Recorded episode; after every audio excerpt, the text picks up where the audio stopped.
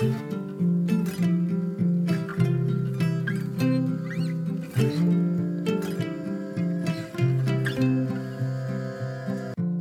och välkommen till For Health med Anna Sparre. Idag ska vi prata med ingen mindre än Bitten Jonsson. Kvinnan som med sina Sockerbomben-böcker sett till att vi i Sverige känner till vad sockerberoende är. Men i intervjuerna med Bitten ska vi inte bara prata sockerberoende, utan vi ska få oss en riktig lektion i hur vår hjärna fungerar och hur vår hjärnas biokemi ser ut. Mycket spännande, både för den som är beroende och för den som inte är det. Du som tycker att det här ämnet är intressant kan gå utbildningen Beroendehjärnan med Bitten Jonsson i Stockholm den 11 och 12 februari som ges i samarbete med Alpha Plus. Bitten berättar mer om kursen i slutet av intervjun. Och du kan också läsa mer och anmäla dig på www.alfaplus.se. Gå in på utbildningar i huvudmenyn. Eller skicka ett mejl direkt till Alfa Plus med din anmälan.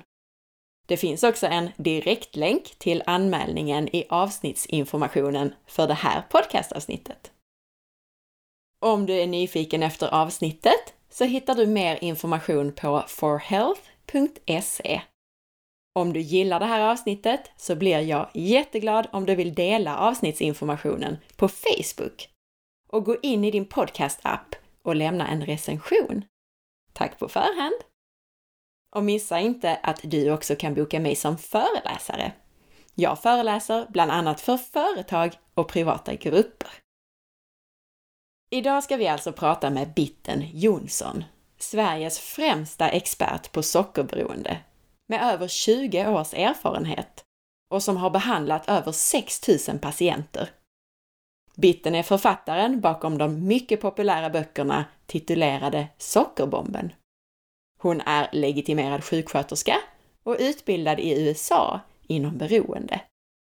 I avsnitten med Bitten ska vi prata en del om sockerberoende men detta är inte bara avsnitt för dig som har en skev relation till mat, utan det här är spännande avsnitt om din hjärnas biokemi. Det blir två avsnitt med bitten. I detta första avsnitt så fokuserar vi på sockerberoende, hur mat kan fungera som psykoaktiva droger, vilka livsmedel som är särskilt beroendeframkallande och så vidare. Nästa avsnitt, avsnitt 125, blir det huvudsakliga avsnittet med bitten och då kommer vi att prata om hjärnans biokemi, signalsubstanser, hur olika personer kan ha olika balans av signalsubstanser och hur man kan hantera det. Så du som inte alls är intresserad av sockrets makt, beroende eller skadligt bruk av mat och annat, du kan vänta på avsnitt 125 och då få lära dig mer om din hjärna. Men se gärna detta avsnitt, avsnitt 124, som ett inledande avsnitt, ett avsnitt som kommer att få dig att förstå varför vi reagerar så olika på mat. Ett spännande avsnitt med Bittens egna resa, med information om hur livsmedelsindustrin manipulerar maten och mycket annat. Nu pratar vi med Bitten.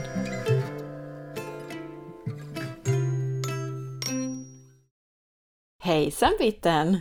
Hej Anna! Vi kan börja med att berätta om din egen bakgrund och hälsoresa så att lyssnarna får en känsla över vem du är. Ja, eh, jag har precis fyllt 64 år och jag växte upp då i en eh, eh, familj på landet och där det inte fanns någon färdiglagad mat. Så jag är oerhört tacksam till mina föräldrar att det alltid var hemlagat. Även om de inte kunde någonting om mjöl eller sånt på den tiden. Men jag växte upp på väldigt bra mat. Och jag kan se skillnaden när jag jobbar med unga människor idag som inte har gjort det. Att eh, det betyder väldigt mycket måste jag säga. Och sen, eh, jag gillade socker när jag var barn. Så jag ville gärna äta godis och socker. Framförallt var det ju choklad. Och det fick man ju otroligt sällan på den tiden. Men när jag fick det så minns jag att jag älskade det. Och jag tänkte så här, när jag är tonåring och har egna fickpengar och så, kan jobba, då ska jag köpa choklad. Eh, det, det, tänkte jag tidigt. Eh, och så blev det ju. Eh, så att eh, det var väl först då som jag kom i kontakt med att äta eh, mer sötsaker. Eh, för kakor och bullar fanns ju hemma men bara till helgerna, jul eller midsommar eller sådana saker så fick vi äta sånt. Och sen i alla fall så började jag köpa godis då när jag var tonåring och jobbade i kiosk. Eh, och det var ju katastrof för att när jag väl började så kunde jag inte sluta, vilket ju är ett tecken på beroende då, utan jag ville bara ha mer och mer. Så ju mer jag åt desto mer ville min hjärna ha. Och jag började gå upp i vikt som tonåring. Men det var inte förrän jag började sjuksköterskeskolan som det gick liksom riktigt på tok. Och det är ju intressant att tänka för då var vi ju väldigt många tjejer. Och vi pratar ju då kropp, mat, vikt, bantning om vartannat. Och det var ju faktiskt då som det började spåra ur. Och det gjorde det för att vi började banta på dagarna. Vi skulle ju då gå ner i vikt och bli smal och fin. Så då hoppade vi över lunchen eller hoppade över frukost. Eller också var det någon sån där äcklig frukt och eh, kesofrukost. Eller keso och det är ju ingen mat. Det var ju kallt för det första och kall mat ökar ju aptiten. Men det visste ju ingen av oss då. Och i sjuksköterskeskolan lärde vi oss ingenting om näringslära ska jag säga. Utan det var ju ät som vanligt. Det är liksom standarduttrycket i sjukvården än idag. Ja, men man ska äta som alla andra och äta vanligt, vad nu det är. Men eh, det gjorde i alla fall att jag började banta. Och då, också i sjuksköterskeskolan, så var det någon som kom på att vi börjar röka. För om man röker då tappar man aptit och då går vi ner i vikt. så det var så det började för mig, att jag började röka. Och jag var ju rökare på en gång. Och idag förstår jag ju det för forskningen visar ju att har du utvecklat beroende av en drog så blir du snabbare beroende av nästa. Alltså jag hade ju socker då, så kom nikotinet.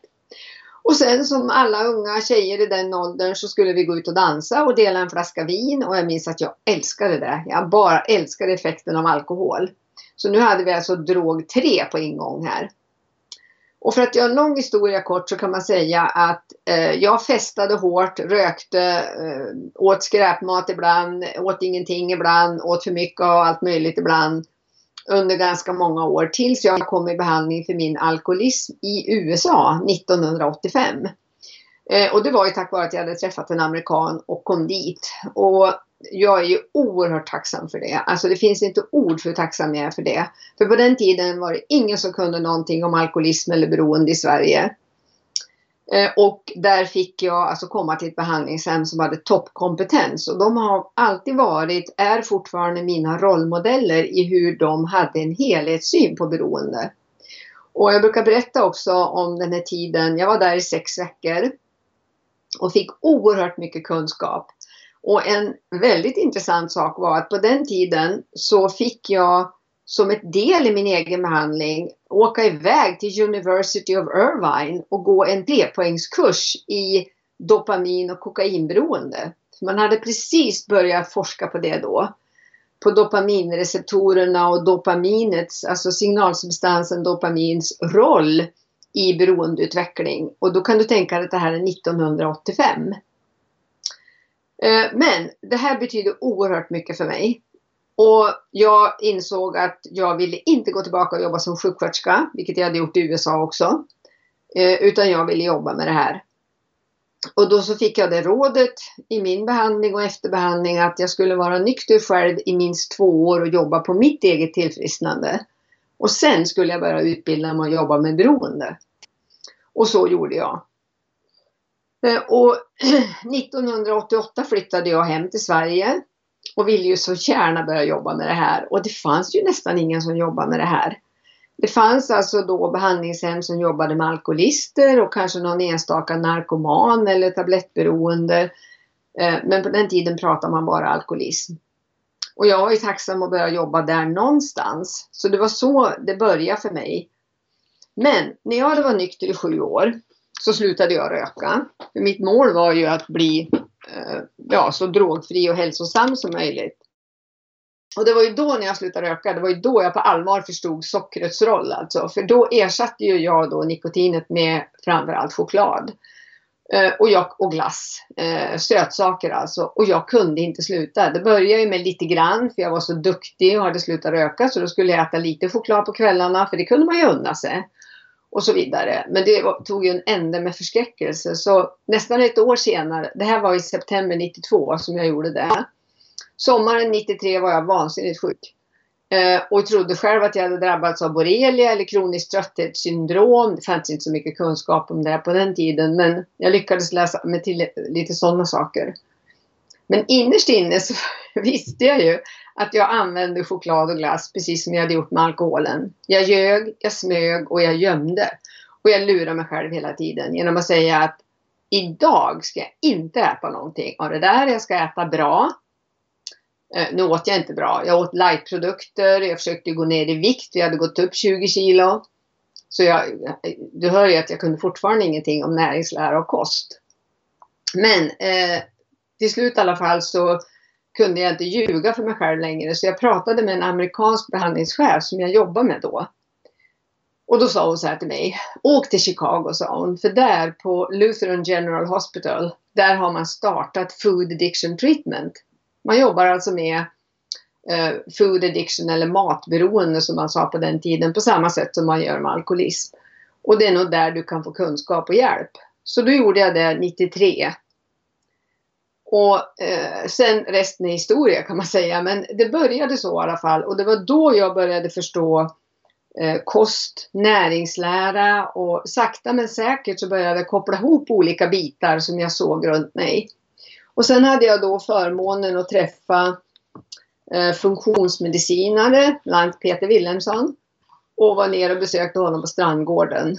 Och då började pusselbitarna ramla ner ännu mer. Och sen eh, läste jag Jeffrey Blands Genetic Nutritionering som betyder väldigt mycket för mig.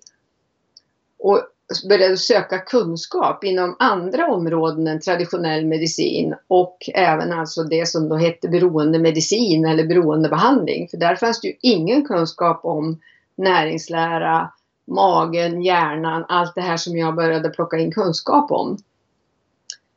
Så nyfikenheten blev bara större och större och jag förstod ju det här att eh, det vi äter, din hjärna är byggd av det. Och om du äter skräpmat eller äter näringsfattig föda så kommer du att må psykiskt dåligt. Eh, det som man idag kallar food psychiatry i USA. Det begreppet fanns ju inte riktigt då. Men jag började berätta om min egen erfarenhet. Jag gick ju ner i vikt och började må jättebra när jag tog itu med det här. Så folk började fråga mig. Vad har du gjort? Vad har du gjort? Vad är det du håller på med? Varför äter du sådär? Eh, och så började patienterna komma och ringa på dörren. Så jag gick aldrig ut och liksom marknadsförde eller gjorde något speciellt utan det var mun mot mun metoden och så har det varit egentligen hela tiden. Att människor har kommit och så har jag delat med mig av min erfarenhet och gett dem verktyg och sen har nästa person kommit och så vidare. Och så under tiden har jag då vidareutvecklat behandlingsmodellen hela tiden. Genom att då studera mer av det som vi kallar anti-aging medicin, evolutionsmedicin och funktionsmedicin, ortomolekylär medicin. Som är det jag älskar att vidareutveckla kompetensen inom idag.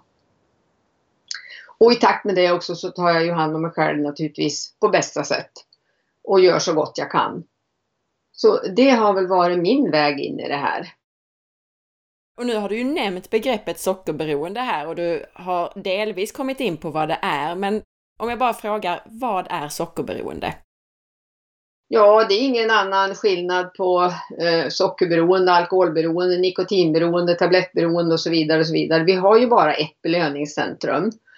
Och om det aktiveras av en drog så blir du beroende om du har alltså en känslighet i belöningscentrum eller på något sätt din kropp är i sån obalans att den här eh, effekten uppstår.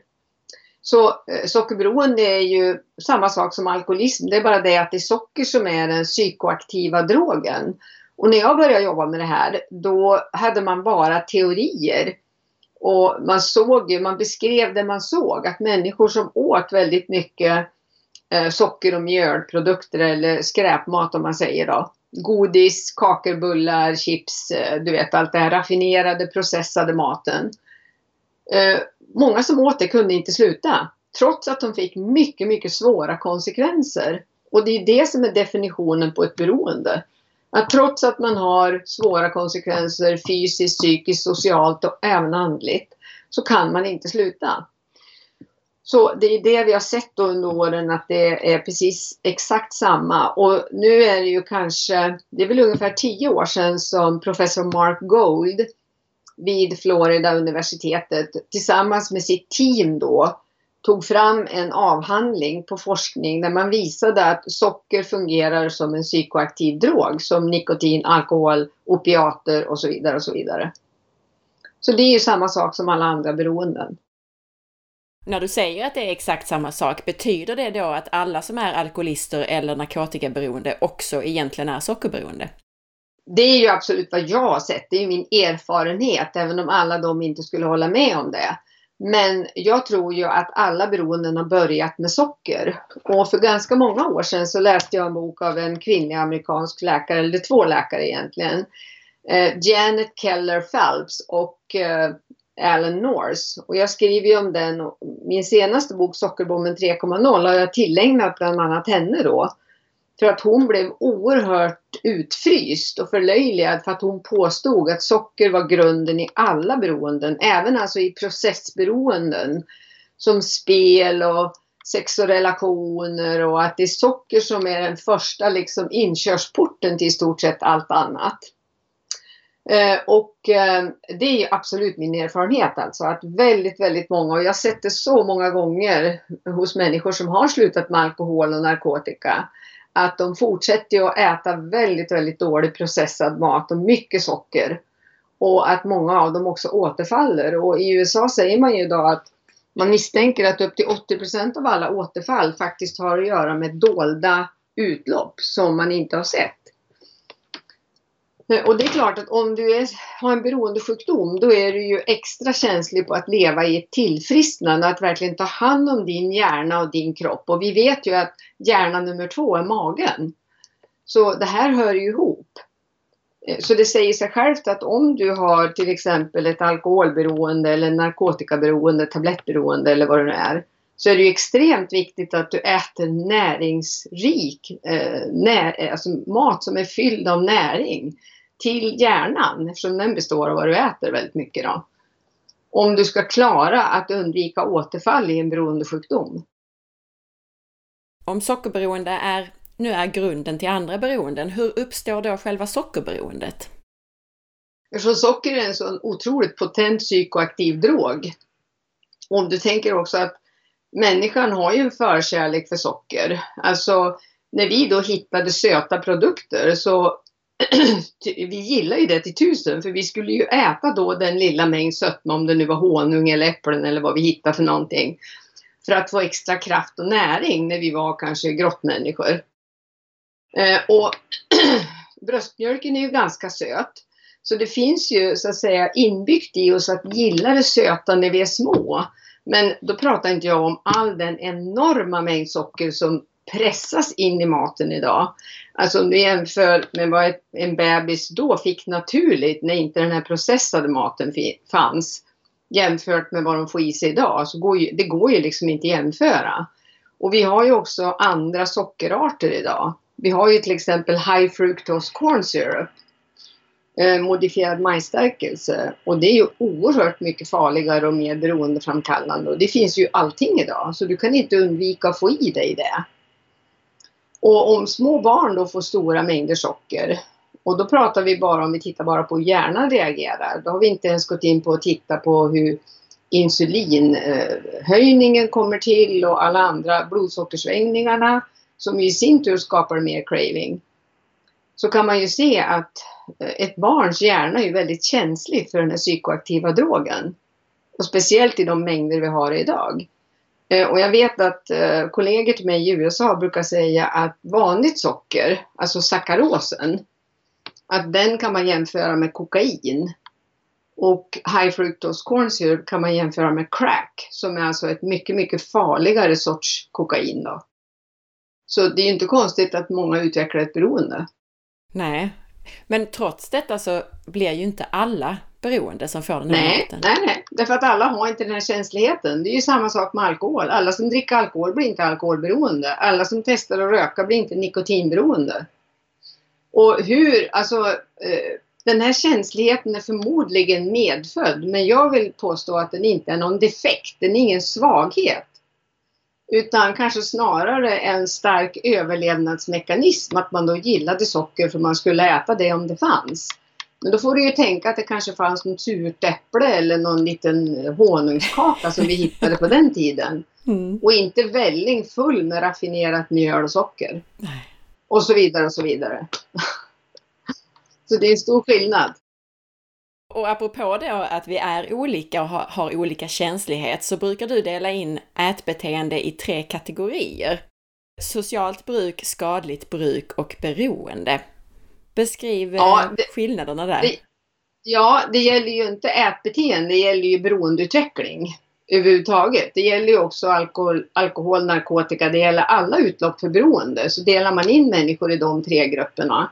Och de som är sociala brukare, alltså de kan ju dricka alkohol utan att utveckla ett beroende på något sätt. Eh, för de är inte alkoholladdat. Och detsamma gäller ju chokladkakor eller vad du nu tar för exempel. Då.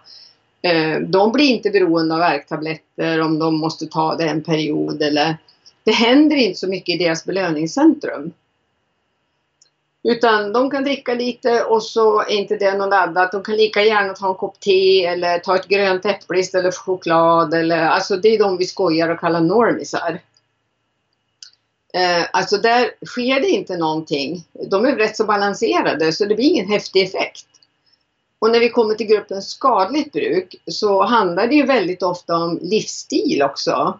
Eh, att man har ärvt en viss livsstil. Det ska vara mycket, det ska vara ofta. Man ska använda det som tröst, man ska använda det som belöning, man ska använda det när man är glad, i sociala sammanhang.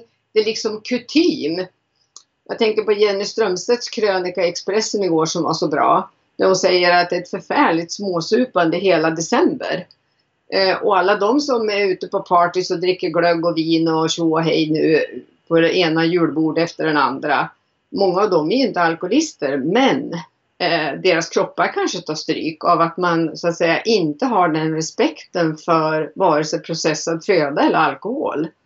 Så det blir för mycket helt enkelt. De kanske festar mycket på semestern, de kanske sopar i sig tre chokladkakor om de är olyckligt kär eller ja du vet, så vidare och så vidare. Men de tappar inte kontrollen på det sättet en beroende gör. De blir inte besatt, de börjar inte gömma, ljuga, smyga. De får inte negativa konsekvenser och trots detta fortsätter. Så den gruppen eh, kan man säga är ju mera eh, okunskap eller de, de kopplar inte ihop liksom dåligt mående med vad de äter och dricker. Och de, det fattas kunskapsbitar hos dem. Och där kan man lära dem att Eh, äta mindre eller dricka mindre och vara måttlig genom att lära dem bra friskfaktorer som man kan ersätta dåligt beteende med. De behöver ju inte avstå helt. Sen har du då gruppen beroende. Och eh, beroendeutveckling sker ganska snabbt. Om man har en känslig hjärna så kan man ju utveckla beroende på sex månader. Så det är ingenting som behöver ta lång tid. Som många tror att man kanske måste supa i 20 år för att bli alkoholist. Absolut inte det är kanske först efter 20 år du ser konsekvenserna av ett beroende.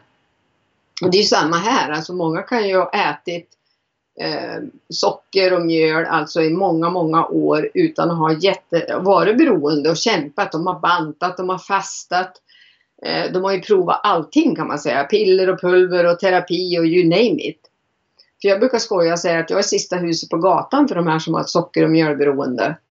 Eh, de har provat allt innan de kommer till mig och lagt ner tusentals kronor och det är ju först när de har väldigt svåra konsekvenser, när det börjar bli tydligt, som man kanske har fått diagnosen fibromyalgi eller diabetes typ 2 eller man har 40 kilos övervikt som man har bantat på sig. Då kanske man börjar på allvar titta på det här med sockret och förstå att eh, jag har försökt allt men inte klarar det. Jag har kontrollförlust och jag behöver hjälp. Så den gruppen är ju väldigt speciell. Och det som jag tycker är tråkigt är att i tidningarna idag så står det ju eh, fem enkla råd att slippa sockersuget. Ungefär.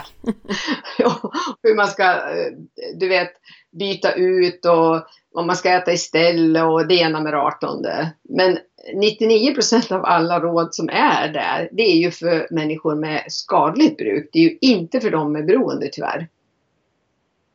Så man måste absolut förstå när man pratar om eh, sockerberoende att man ska ju inte kalla någon, säga att någon har det lättvindigt. Det är ju inte bara att säga, folk har ju ringat mig och sagt du jag äter en till två chokladkakor när jag har PMS. Är jag sockerberoende? Nej men definitivt inte. Alltså man måste ju ha mycket kunskap om vad en beroende innebär innan du kan sätta någon form av diagnos eller eh, i alla fall säga att jag är ganska säker på att du ligger i beroendegruppen. Det går ju inte med två, tre frågor, det kan jag säga. Generellt när man pratar beroende så kommer ofta begreppet cravings upp. Ja, ja vad, precis. Vad är skillnaden mellan att vara sugen på någonting och att ha cravings? Ja, men om du är sugen på någonting och inte har det hemma liksom, eller du kanske har något annat eller du är lite småhungrig eller så, så kan du ju dels sysselsätta dig med något annat och så försvinner det efter en stund. Eller också lagar du till lite mat och så äter du och så är det lugnt sen. Men craving, det handlar ju mer om en besatthet. Det är ju liksom när hela hjärnan är helt galen efter drogen. Du kan inte tänka på något annat. Jag har ju under åren eh, ofta frågat patienterna, ska du försöka förklara cravingen, din craving för mig? Och jag får ju väldigt mycket intressanta kommentarer. De säger, ja men det, det går inte att sätta ord på. Och det är för att det är en drift, det är en instinkt som kommer djupt ur belöningscentrum och reptilhjärnan. Och där har vi inget språk. Vi kan inte sätta ord på det utan det är ju instinkter. Det är ju som att säga andas eller låta bli att andas. Det går ju liksom inte. Andningen är ju automatisk. Men craving är i alla fall en väldigt obehaglig besatthet och patienterna har sagt alltifrån, ja, det, det är när jag har ont i håret. Eh, det är som att tandvärk i hela kroppen. Det är fruktansvärt obehagligt. Jag kan inte tänka på något annat. Eh, jag blir oerhört irriterad och aggressiv och jag måste bara ha. Eh, så det är alltså ett fruktansvärt obehagligt tillstånd som när jag jobbar med patienter så jobbar jag oerhört mycket med att förebygga craving. Och även naturligtvis verktyg att hantera craving om det uppstår. Men det kan uppstå liksom ur tomma intet. Men ofta så är det ju så att vi har på något sätt exponerat oss för det eh, genom att inte sätta vårt tillfrisknande och vår hälsa först och vidta olika preventiva åtgärder som gör att vi då inte kommer behöver få utlösa den här cravingen. Utan eh, vi, vi låtsas vara som vanligt. Och då, det går ju inte. Och sen är det väldigt viktigt att förstå att det finns två sorters craving. Det ena är ju den vi kallar cue-induced eller händelseutlöst. Det är ju till exempel om du eh, går in på ett bageri och utsätter det för doften av nybakt bröd eller om du nu eh, gillar bröd då. Eller kladdkaka eller med choklad eller vad det nu kan vara. Och så det om du känner lukten av det, det om du ser de här sakerna, så tv-reklam till exempel.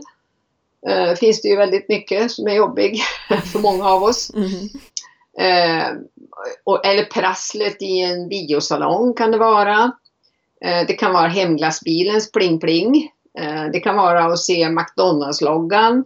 Det beror ju på vilken som var liksom favoritmaten inom det området processad föda. Då. Eh, så exponeringen för det, men det har också att göra med händelser. Alltså, alltså ställen där du har drogat till exempel eh, kan utlösa det här. Eh, minnen av drogen. Det kan vara någon som alltid har ätit i bilen. Att sätta sig i bilen kan utlösa craving. Eh, att se på TV kan utlösa det och så vidare och så vidare. Sen har du det som kallas PTSD, stressutlöst craving. Den är mycket lömskare därför att det är mycket svårare att hitta liksom just vad var det som fick mig in i det här nu. Det kan vara långvarig stress, utmattning, näringsbrist, det kan vara influensa, förkylning, eh, maginfluensa. Det kan vara alla möjliga saker som inte man kopplar ihop direkt med cravingen. För det kan ha hänt långt innan och kanske över längre tid. Eh, antibiotikakur till exempel kan det vara. Så det kan vara många olika faktorer som ligger i den här PTSD eller obearbetade trauman som på något sätt utlöses, alltså posttraumatiskt stresssyndrom. Så där måste man jobba mycket under mycket längre tid med en patient och försöka kartlägga och förstå de här mekanismerna för att då lägga upp strategier för att bemöta det här och träna in andra copingmekanismer.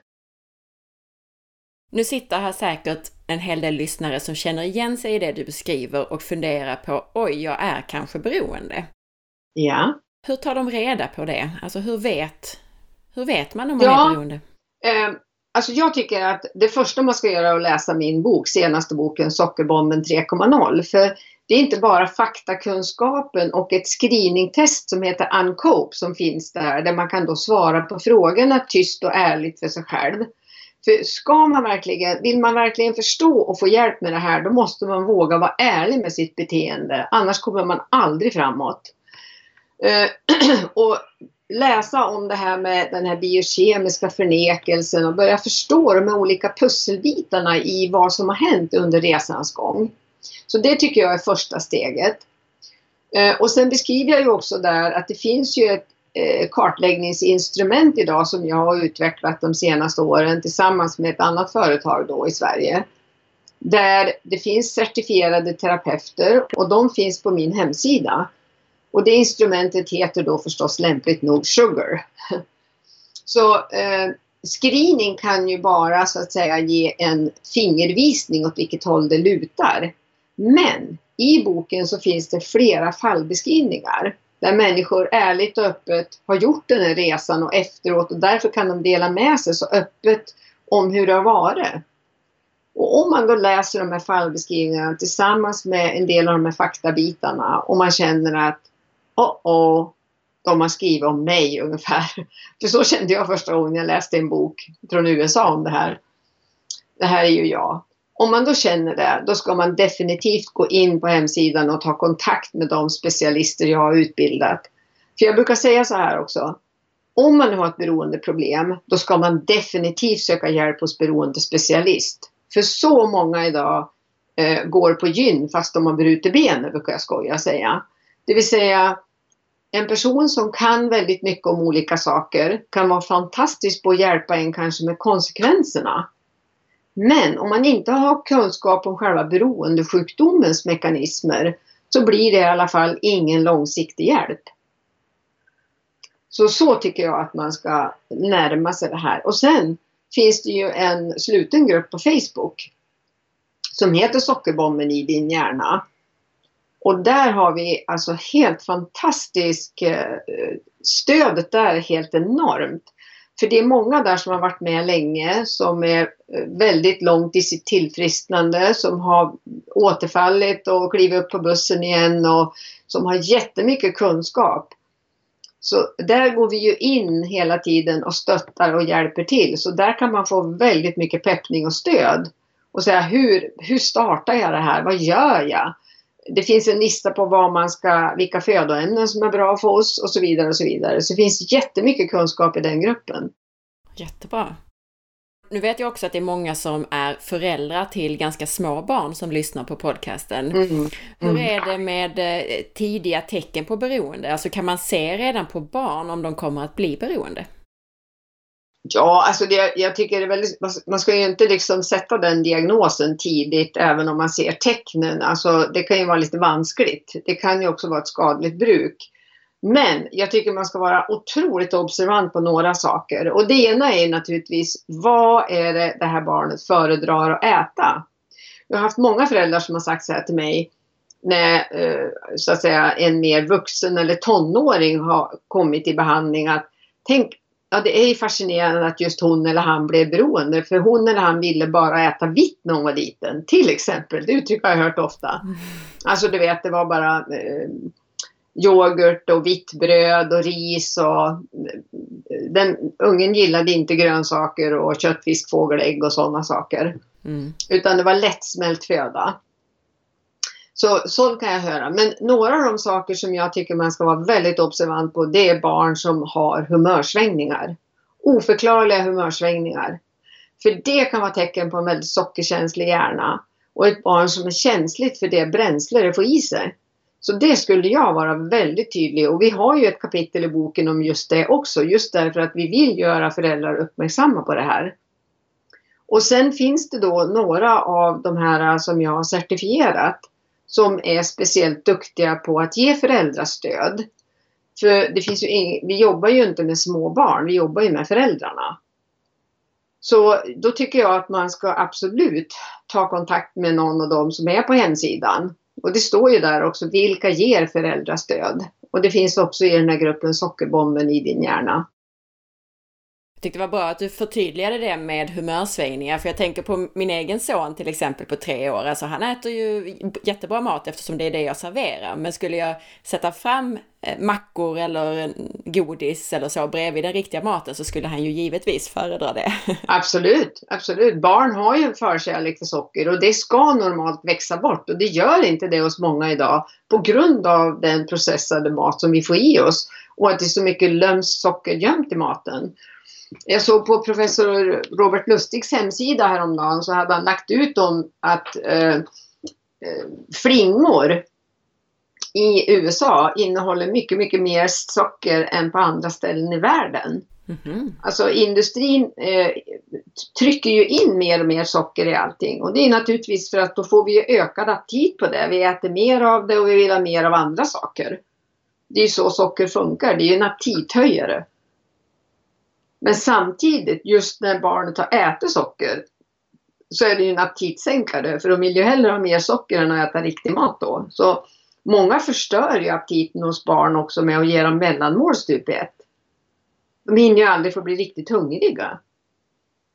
Och då vill de ju inte ha mat, jaha, och så går det en stund och så ger man dem någon bulle istället, en macka. Och det är ju förödande att hålla på så. Mm. Och du nämnde begreppet psykoaktiv drog tidigare. Mm. Vad är det för någonting? Det är en drog som medför ett förändrat sinnestillstånd. Uh, alltså den griper in och uh, antingen förstärker kroppens egna signalsubstanser som ju är grunden till vårt mående. Vårt mående, mående är ju biokemi. Eller hämmar vissa signalsubstanser. Men det är alltså någonting som griper in i belöningscentrum och ändrar eh, hur vi mår, kan man säga enkelt. Det finns ju också en eh, eh definition i boken på psykoaktiv drog. Det är ju socker och raffinerat mjöl naturligtvis, stärkelse. Det är det som eh, aktiverar signalsubstanserna. Någonting som jag själv har erfarenhet av med egna klienter och som jag vet att du själv också nämner ibland är ju det här med mejeriprodukter. Vad säger du om det? Är det en psykoaktiv drog? Det kan det vara för vissa känsliga. Eh, det ser vi ju hos kanske eh, 70 procent av patienter som har ett sockerberoende så kan vi se att de kan ha väldigt svårt att undvika craving om de har mycket mjölkprodukter i kosten. Och grädde tycks ju vara den som är största boven. Eh, och exakt varför vet vi inte riktigt. Men vi vet ju att eh, mjölkproteinerna kan fungera som falska endorfiner hos vissa. Och det är ju samma med gluten, med mjöl alltså. Att det kan också fungera som en falsk endorfin om man säger så, eller opiat då. Det påverkar, alltså det, det lurar kroppen att tro att det är en signalsubstans fast det inte är det. Och sen så nämnde du ju att i USA där nämnde du att man sockrade flingorna lite extra för att lura belöningssystemet. Absolut. Hur är det med andra saker, alltså kombinationer och konsistenser och annat? Finns det något annat sätt som livsmedelsindustrin manipulerar oss på? Absolut, absolut. Eh, det finns ju en väldigt spännande bok som heter The End Overeating America av en läkare som heter David A. Kessler.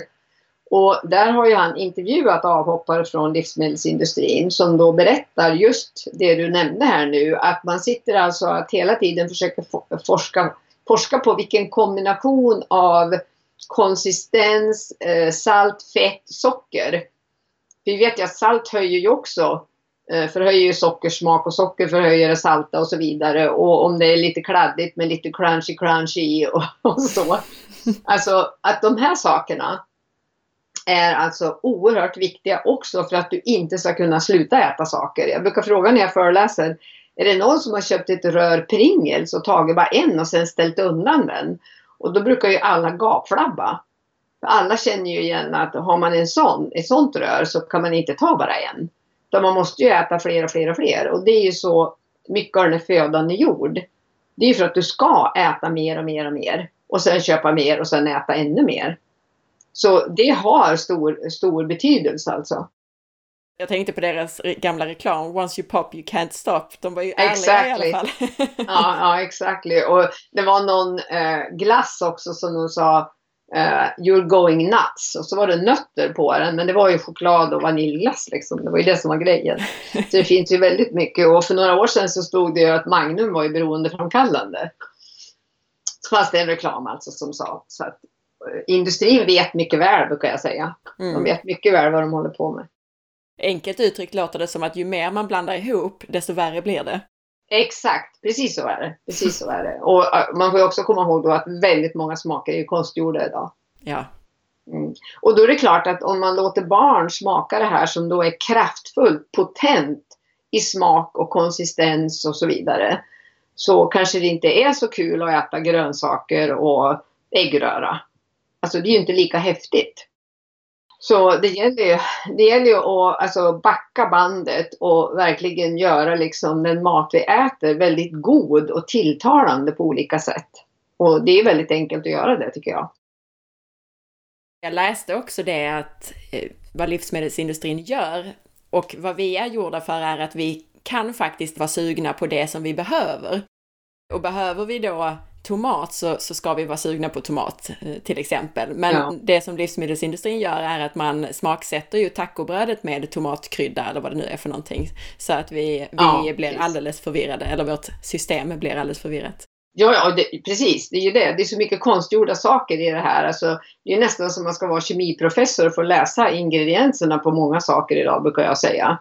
Och också det att de har ju upptäckt att vi är läskunniga. Så att när det handlar då om socker och sockerarter så är det en djungel. Alltså istället för då att skriva socker och så hur många gram eller hur stor procent av en vara det är, eller en produkt, så har man ju tillsatt 4, 5, 6, 7 olika sockerarter. Så då måste du ju nästan vara liksom kemiingenjör för att räkna ihop det här. Hur mycket socker är det i det här egentligen? Och många här sockerarterna har ju så konstiga namn så många reagerar inte på att det faktiskt är socker. Det är som designerdroger, du vet. Nej, man ska låta bli att köpa något där man inte förstår innehållsförteckningen. Exakt. Det är vad jag brukar hävda hela tiden också.